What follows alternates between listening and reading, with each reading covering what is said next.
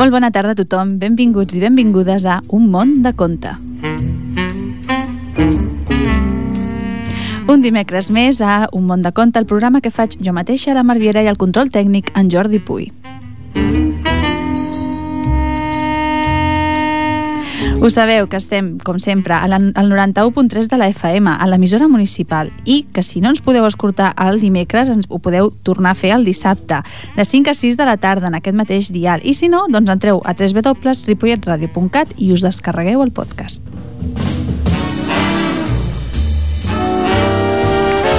Avui tenim una tarda una miqueta moguda i us explico per què. Igual sentiu alguna mena de soroll mentre estem fent el programa i és que avui s'inicien els actes del Carnestoltes 2013. És a dir, avui fem el primer acte aquí a Ripollet, que no és un altre que la penjada del Cabraboc. I això doncs, ve acompanyat d'un grup de nois i noies que toquen tambors, com és habitual, i potser doncs, sentim una miqueta de soroll. No us espanteu, eh? no és problema del vostre aparell, ni és que tingueu un tap a, a l'orella i sentiu sorolls estranys, no, és només això i bé, si no esteu uh, gaire lluny, doncs us convido també a que us apropeu aquí a la Rambla Sant Jordi i que pugueu veure com es penja el Cabraboc.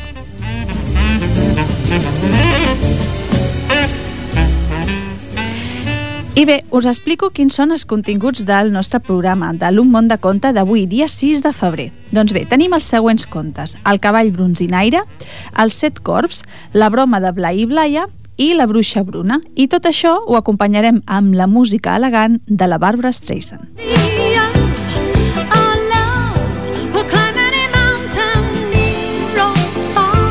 La Barbara Streisand o la lletja més guapa eh, que, bueno, que la gent li diu així popularment perquè bueno, té aquest nas particular. Bé, la Barbara Streisand que té una dilatada carrera musical, a més a més ha fet molts duets, doncs bé, avui estarà amb nosaltres, podem escoltar la seva veu que en realitat és una delícia.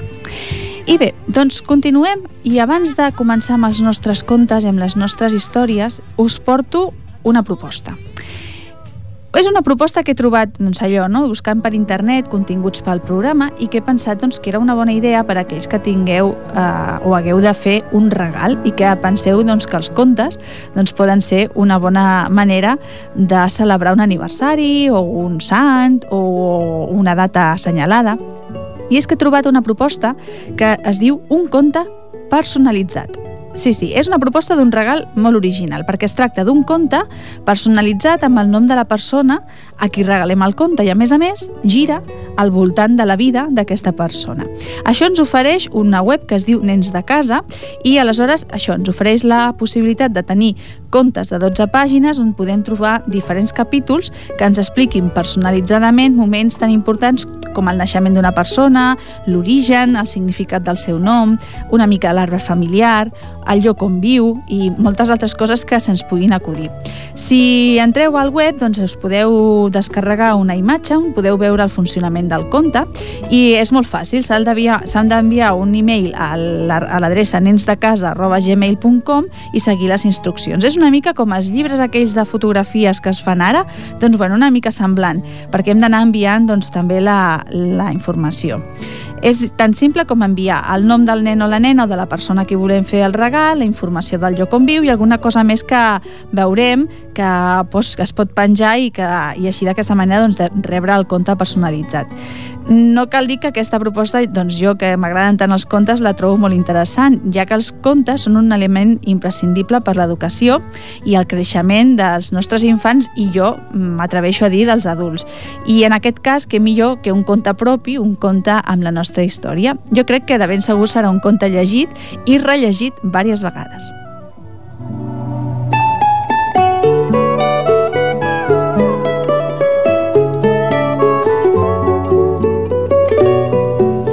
Doncs bé, comencem amb el primer conte que portem preparat per avui, que és aquell que us deia que es titula El cavall bronzinaire. A veure si us agrada, diu així. Hi havia una vegada un marquès molt afeccionat als cavalls, tant que els estimava més que les persones i els tractava fins i tot millor. Com ja us deveu imaginar, les seves cavallerisses eren les més grans del país i allà hi havia a Corcabols 100 cursers, si l'un bonic i noble, l'altre encara més, per bé que el seu preferit era un fogós cavall vall, que corria tant que bronzia, i per això l'anomenava bronzinaire. El tenia en una quadra per ell tot sol, Era espaiosa com un prat i lluminosa com un matí d'estiu. Un bon dia el marquès se'n va haver d'anar a la ciutat, però abans de marxar va anar a parlar amb el capatàs de les cavallerisses, que es deia Sabrià. Capatàs, va dir el marquès arrufant les celles, cuideu molt bé els meus cavalls, sobretot amb bronzinaire, que és la joia que més estimo. Si li passés res al bronzinaire mentre sóc fora, estrangularé qui em digui que ha mort. Ho juro pel cavall de Tila i el del Mansor. Tenint en compte com estaven les coses, Sabrià i els Mossos que s'encarregaven de les quadres no deixaven de vigilar el bronzinaire ni un moment. Això no obstant, un dia, quan un mosso portava el bronzinaire a passejar, en creuar una sendera plena de roses vermelles i blanques i cards morats, el cavall va fer un bot sobtadament i va fugir a tota brida. El mosso que el cuidava va tornar corrents a les cavallerisses, a contar a Sabrià el que havia passat, i tots van sortir a buscar-lo ben de pressa. Al cap d'un parell d'hores el van trobar estirat al prat, envoltat d'un núvol de mosques. Sabrià el va mirar per tot arreu i li va descobrir la pota dos punts vermells com els que deixen les mossegades d'escurçó.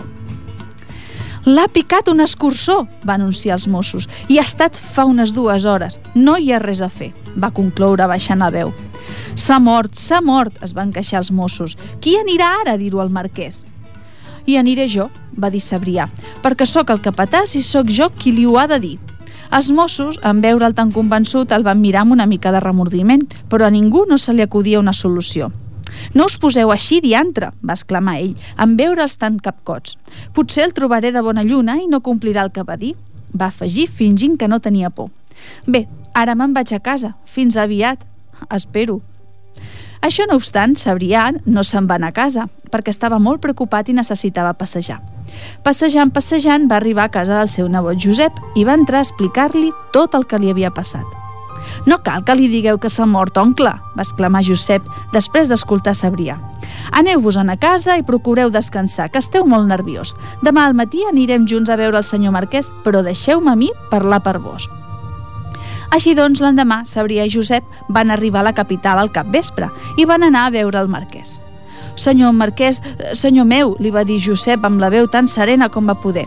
Soc en Josep, el nebot d'en Sabrià, el vostre capatàs, i us parlo un nom seu. Ves al gra, ves al gra, noi! El va tallar el marquès de mal humor, que no tinc tot el dia. Us, us hem d'anunciar que el cavall bronzinaire està estirat al camp, envoltat de mosques des del cap fins a la cua. Pel cavall de Troia, no t'entenc. Torna-m'ho a dir que no t'entenc pas. Doncs que us hem d'anunciar que el cavall bronzinaire està estirat al camp envoltant de mosques des del cap fins a la cua, va repetir Josep amb més convicció. Per Pagàs, per Babieca i per Rocinanta, va fugir el marquès. Què insinues, que el meu cavall bronzinaire és mort? Ai, senyor meu, va dir Josep espantat, vos ho heu dit, no pas jo. Ah, ja ho entenc. Vaig jurar pel cavall d'Àtila i del Mansor que estrangularia qui em digués que Bronzinaire havia mort, va dir el marquès amenaçadorament. Et penses que ets molt llest, oi? Que potser t'imagines que m'estrangularé jo mateix? Senyor meu, va replicar Josep, hauríeu d'estrangular el meu oncle si ell us ho hagués dit. Però jo no en tinc la culpa, per tots els cavalls del món. La tens tu, que m'has obligat a dir-ho. Vos també vau voler obligar el meu oncle que us ho digués, va insistir en Josep. El marquès va rumiar una estona i després va dir molt emmorriat. Tens raó, noi, he estat a punt de cometre una barbaritat. T'ho agraeixo, va afegir secament. Demana'm el que vulguis i després retira't amb el teu oncle que m'has fet posar de molt mal humor. Senyor Marquès, va contestar Josep molt decidit, el meu desig més gran era ajudar el meu oncle en aquesta dificultat, i ja s'ha complert. Però estaria molt bé que vos tractéssiu les persones com heu tractat fins ara els cavalls. I dit això, Sabrià i Josep es van retirar. L'endemà, l'oncle va convidar el nebot a visitar la ciutat per donar-li les gràcies per haver-lo tret de l'embolic i el dia següent van tornar al poble. En arribar-hi van veure que els, que els pobletans s'havien aplegat a l'era i que ballaven al so d'una orquestrina de cinc músics. A més, hi havia jocs per als nens, una tòmbola gratuïta i un xurrer que regalava xurros i xocolata. Quina festa és avui? van preguntar tots, tots dos sense poder creure el que veien. És la festa dels cavalls, va contestar un dels Mossos. El marquès va tornar ahir de la capital convertit en un altre home. Tot just va arribar, es va tancar la quadra del bronzinaire i va passar la nit allà plorant. Aquest matí ha començat a repartir els seus cavalls entre nosaltres i després ha anunciat que construiria una escola i un hospital per al poble a les cavallerisses i ha organitzat aquesta festa i ha convidat tot el poble. I aquí el podeu veure, menjant xurros com un ciutadà qualsevol. Qui sap què li deu haver passat? Oncle i nebot es van mirar amb un somriure de complicitat i van anar a saludar el marquès.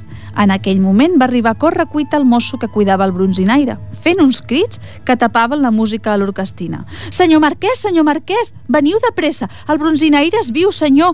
Només s'havia clavat dues punxes de carn morat untades amb llet de rosella. Només s'havia dormit profundament, senyor!» El marquès va sortir bronzint, gairebé tant com el seu cavall, i no es va aturar fins a arribar a la quadra.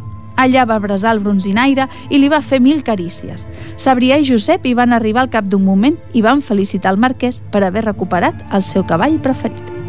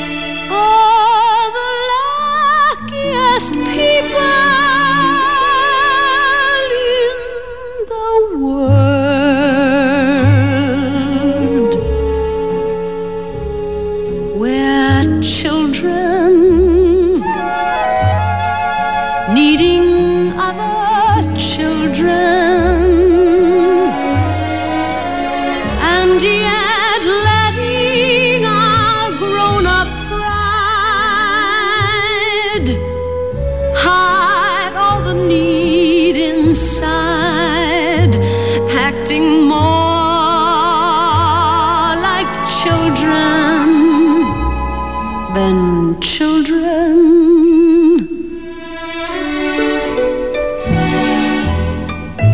Lovers are very special people.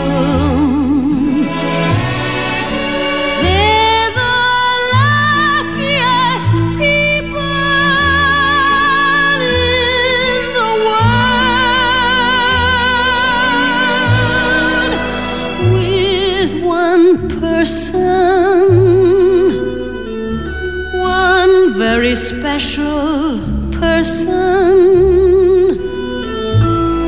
a feeling deep in your soul says you are half now your whole.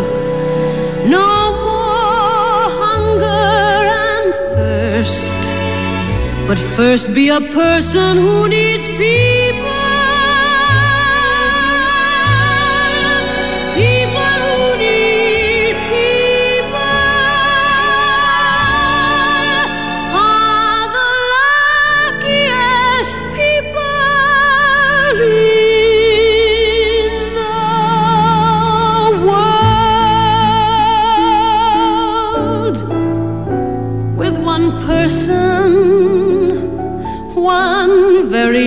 Special person, a feeling deep in your soul says you are half now your whole. No more hunger and thirst, but first be a person who needs people.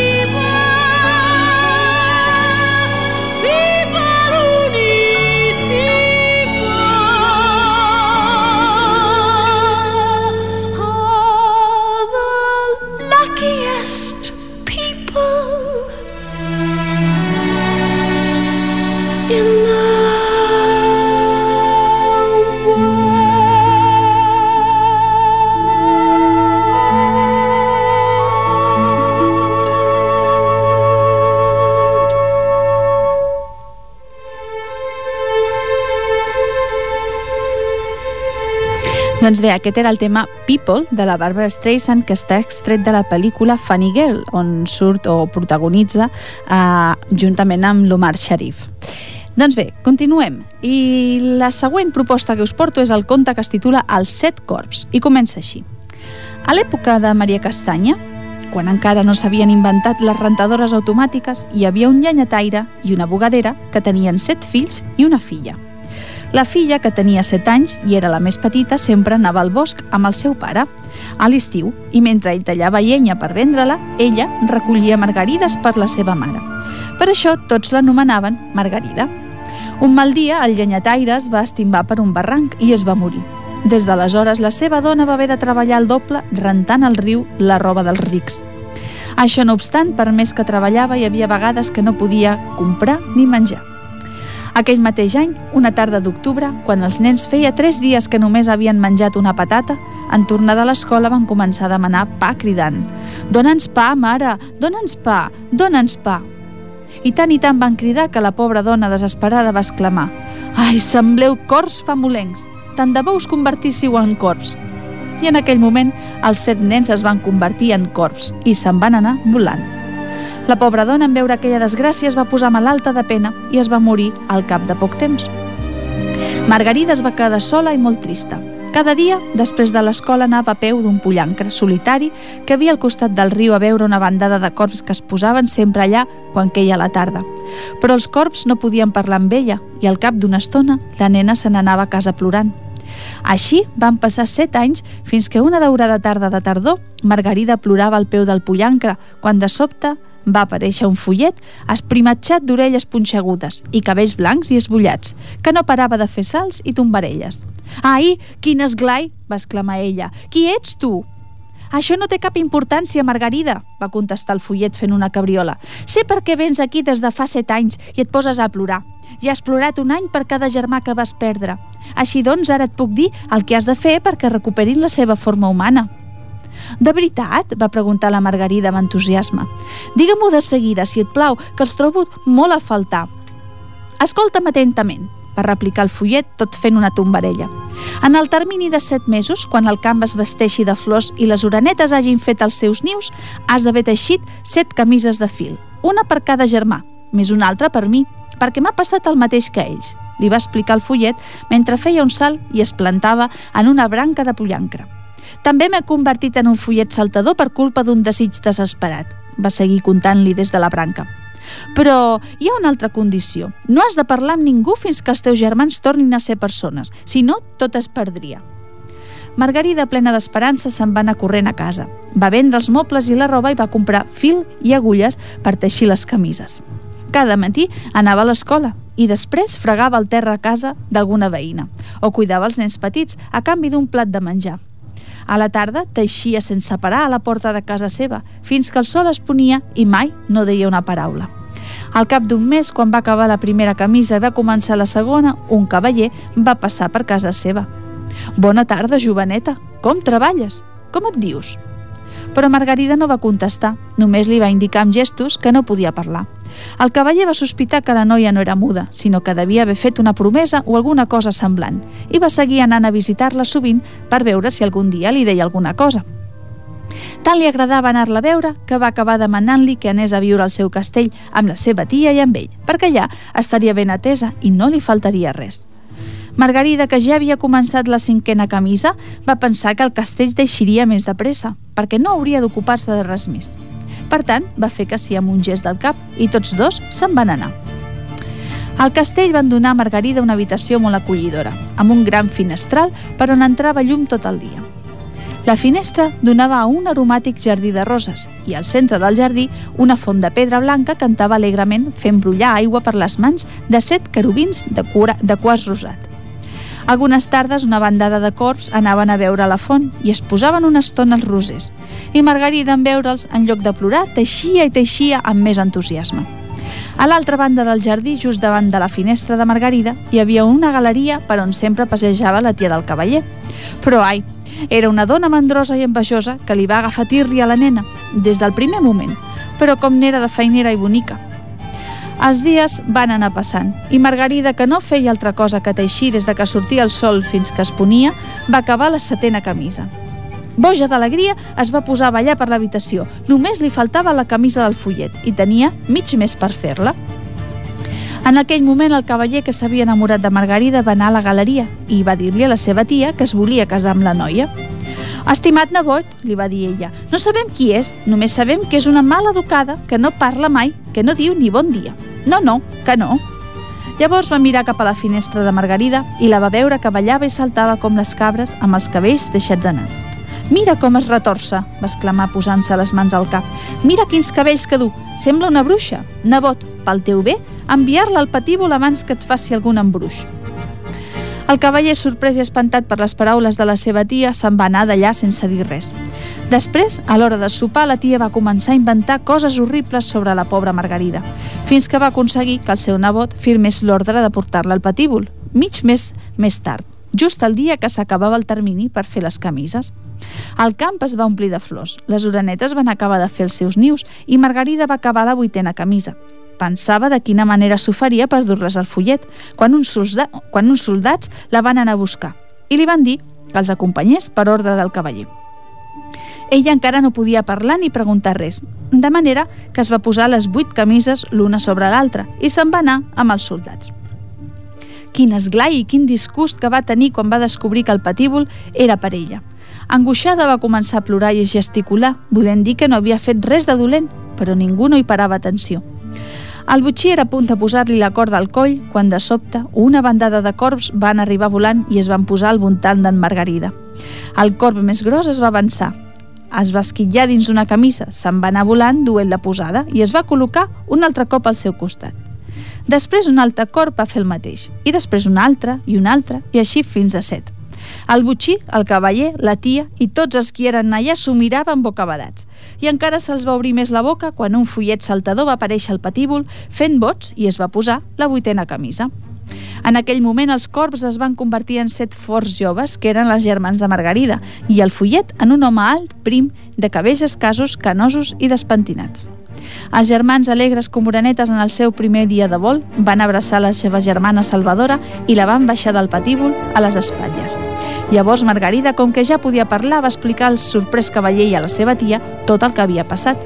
El cavaller, que s'havia enamorat d'ella fins a la mèdula, va comprendre fins quin punt s'havia equivocat i li va pregar mil vegades que el perdonés i allà mateix li va demanar que es casés amb ell.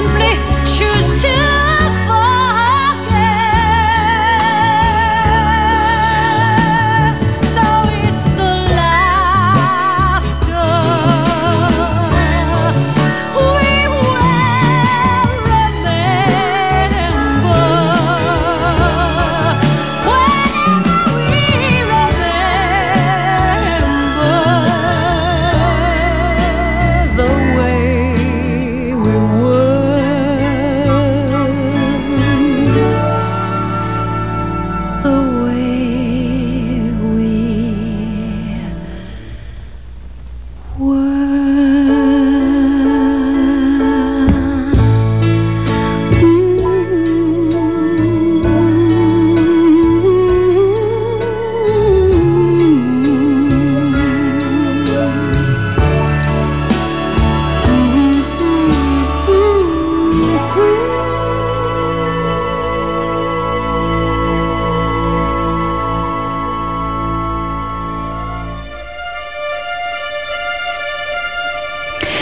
Doncs aquest era el tema de Way We Were, que l'hem extret de la pel·lícula del mateix títol, de Way We Were, i que la protagonitzen la Barbara Streisand i en Robert Redford. El següent conte es titula La broma de Blai i Blaia. Fa molt temps, en un país no gaire lluny d'aquí, vivien Blai i Blaia, un matrimoni jove que tenien una bonica casa de pedra amb un corral enorme, molts animals i un frondós hort d'arbres fruiters. A Blai i Blaia no els faltava res, però s'avorrien perquè no només sabien divertir-se a a costa dels altres. I és clar, els familiars farts de les seves bromes, burles i plegacitats no en anaven mai a visitar-los i els criats no duraven allà ni un dia. Un bon matí es va escaure que va passar per allà un noi discret i pacient que es deia Joan i que buscava un treball honrat per ajudar la seva mare. Va trucar a la porta i Blai va sortir a obrir amb cara de persona seriosa. Bon dia, senyor amo, el va saludar Joan amb bones maneres. Que hi falta un criat en aquesta casa. Sí, sí, va contestar Blai amb una rialleta dissimulada pensant que ja tenia una altra víctima per divertir-se una estona. Però jo no em dic amo, va afegir iniciant la primera broma del dia. Em dic Bromatis. Bromatis? Ah, perdoneu, no ho sabia, es va excusar Joan. Llavors va aparèixer Blaia i Joan va dir Aquesta senyora deu ser la vostra, la vostra esposa, oi? Noi, va replicar Blai, que no has après a parlar? No es diu esposa, es diu... I mentre s'inventava un nom, es va haver de girar per no riure a la cara de jove, del, del jove. Es diu Burlatis. Burlatis, va dir Joan una mica estranyat. D'acord, no se m'oblidarà. De sobte va veure passar un gat ros davant la porta. Caram, va exclamar, aquest gat és igual que el de la meva mare. Mira que n'ets de beneit, bordegàs, va replicar Blai continuant l'aixecada de camisa. No es diu gat, es diu cacerratis. Cacerratis? va repetir en Joan sense entendre res. Bé, doncs com vulgueu, però ara digueu-me què haig de fer. Llavors Blai el va enviar a netejar el corral i l'hort. Mentre netejava el galliner, les conilleres i la cort del porc, Joan somreia tot pensant que l'amo i la seva dona tenien noms estranys i feien servir paraules ben curioses, però que semblaven bones persones. A més, com que la casa era gran, segur que li donarien feina cada dia. Si feia bé el que li manaven, així ni la seva mare ni ell no passarien estretors durant una bona temporada. Va seguir treballant alegrement i al cap de 5 hores, quan va acabar, va tornar a entrar a la casa, glaçat, cansat i famolenc, però content. Oh, quin fred que tinc, va exclamar. M'escalfaré una mica a la vora del foc. Però allà hi havia Blai, esperant-lo per seguir amb les seves bromes. Bordegàs, li va dir rient per sota el nas, ets un beneit del cabàs. No es diu foc, es diu consumència. Consumència? va dir el noi amb cara de sorpresa. D'acord, però digueu-me, no hi deu haver una mica de xoriço per aquí, que tinc molta gana? Senyor, senyor, es va queixar una altra vegada l'home, que ja no sabia què fer per dissimular el riure. És que no saps parlar? No es diu xoriço, caram, es diu pare etern. Pare etern? va repetir en Joan amb una enorme sorpresa. Bé, si vos ho dieu, però doneu-me'n una mica, si no, si no hi ha pare etern, doneu-me un parell de botifarrons, que els budells en fan molt de soroll. No es diuen botifarrons tros d'assa, va replicar Blai aixecant molt la veu, per no deixar anar una gran riallada. Es diuen les 11.000 verges. Les 11.000 verges? Bé, bé, no us amoïneu, va contestar Joan vermell fins les orelles. Ja aniré aprenent totes les paraules de mica en mica. Em podeu donar una mica d'aigua? Ai, sembla mentida que n'arribes de ser de totxo, bailet, va dir Blai a punt de rebentar de ganes de riure. No es diu aigua, cap de, de pardals, es diu abundància. Abundància? va dir Joan.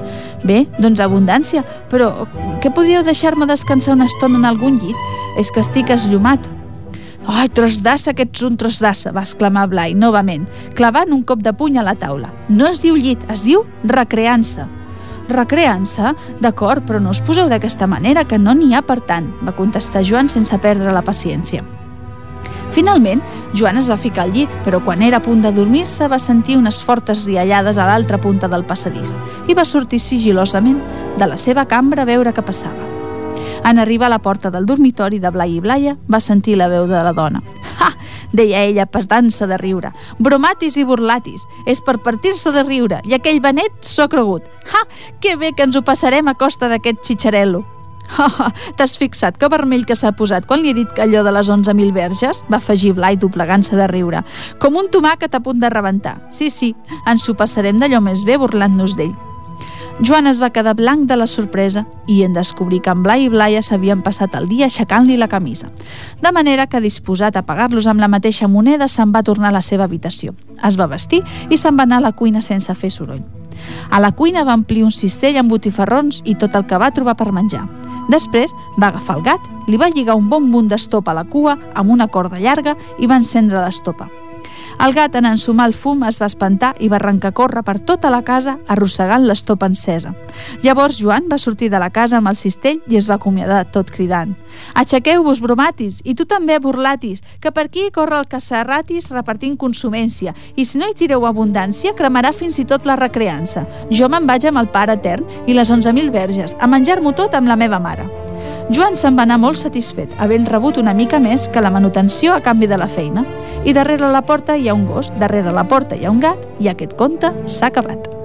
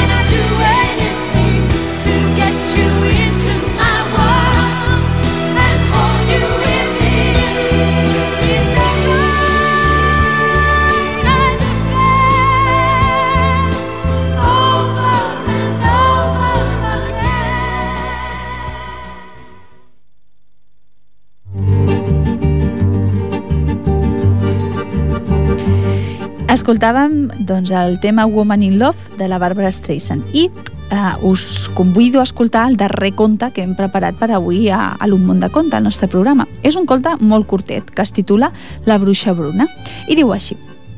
Vet aquí una vegada un nen que es deia Bernat, que tenia una germaneta de nom Clàudia. Bernat, li diu la mare, vés a buscar el xumet de la Clàudia, que ara té son.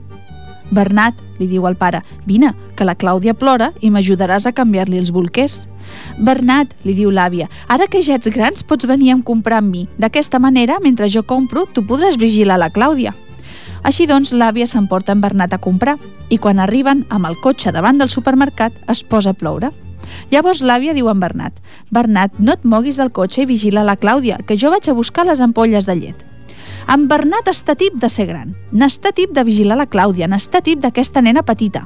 I mentre l'àvia és a buscar la llet, en Bernat, en lloc de vigilar la Clàudia, baixa del cotxe i enfila carrer amunt. Camina per la vorera, amunt, amunt i amunt, i al final es perd. Eh, se senyora, diu en Bernat. Ui, qui em crida? Respon una senyora que va vestida d'una manera molt estrafolària i que porta un barret al cap. En Bernat se la mira estranyat. Està segura que és una bruixa. L'àvia ha marxat, no m'estima a mi, diu en Bernat plorant. I doncs, per què dius que no t'estima? Perquè només està per la Clàudia, que és petita. Jo n'estic tip de ser gran, comenta en Bernat. Doncs no t'amoïnis, perquè jo sóc la bruixa bruna. I si vols, amb la meva vareta màgica et puc fer petit. Petitó com un cigró. Sí, sí, sí, jo vull ser petit, diu en Bernat. Immediatament la bruixa bruna agafa la vareta màgica, que sembla un paraigua, i fa un encanteri. Patanit, patanat, fes petit en Bernat, fes-lo petit petitó com un cigró. Després la senyora bruixa agafa coll en Bernat petit i el porta fins al cotxe, on hi ha l'àvia desesperada buscant en Bernat. On és en Bernat? On és en Bernat? crida l'àvia. Senyora, senyora, tranquil·la, aquí li porto un Bernadet, que s'ha perdut pel carrer, diu la bruixa bruna. Ai, Déu meu, aquest no és el meu Bernat, aquest és molt petit, el meu Bernat és gran, el meu Bernat és un nen molt eixerit, fa uns dibuixos fantàstics, va a l'escola amb nens grans, quan va a la piscina no té por de l'aigua, sap vestir-se sol, sap anar amb bicicleta i moltes coses, moltes coses més. La bruixa bruna agafa el paraigua i, sense que l'àvia ho senti, desfà l'encanteri. Patanit, patanat, fes gran en Bernat, fes-lo gran, gran, tan gran com abans. Llavors en Bernat llença els braços al coll de l'àvia i li diu «Àvia, t'estimo, com m'agrada ser gran!»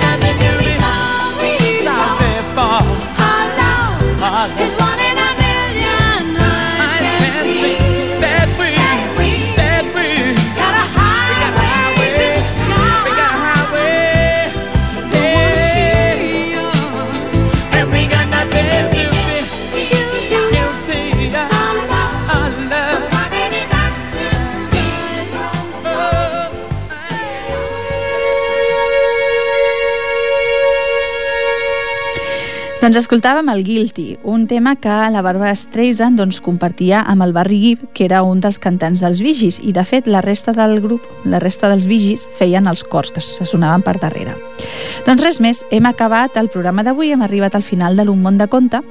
Jo només desitjar-vos que passeu un bon cap de setmana de carnestoltes, que us ho passeu molt bé amb la vostra disfressa, si és el cas, que balleu molt, que sortiu al carrer, que, to que tothom us vegi, i us espero, com sempre, la propera setmana, amb més contes i més música. Us deixo ara amb un darrer tema de la Barbara Streisand, de fet un que comparteix amb la Celine Dion i que es titula Tell Him. Fins al dimecres i una abraçada. I'm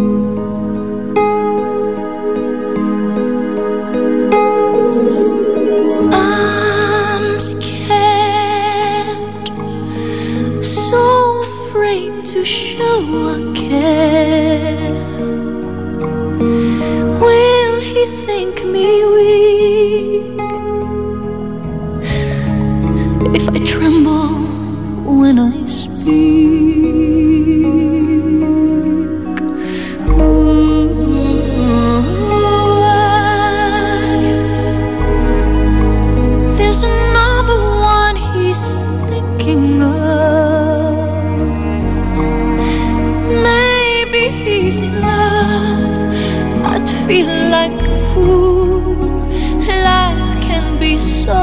I don't know what to do.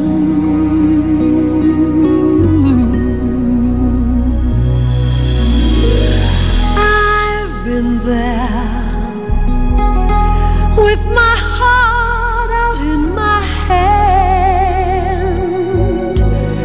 But what you must understand, you can't let the chance to love him pass you by.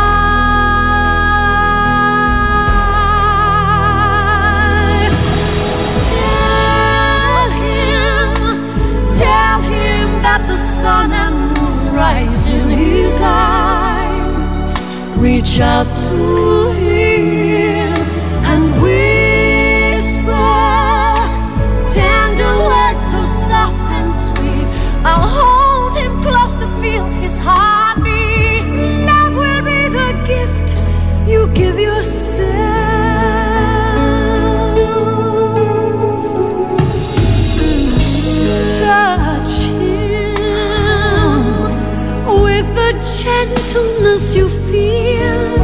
inside. Your love can't be denied. The truth will set you free. You'll have what's meant to be. All in time, you'll see.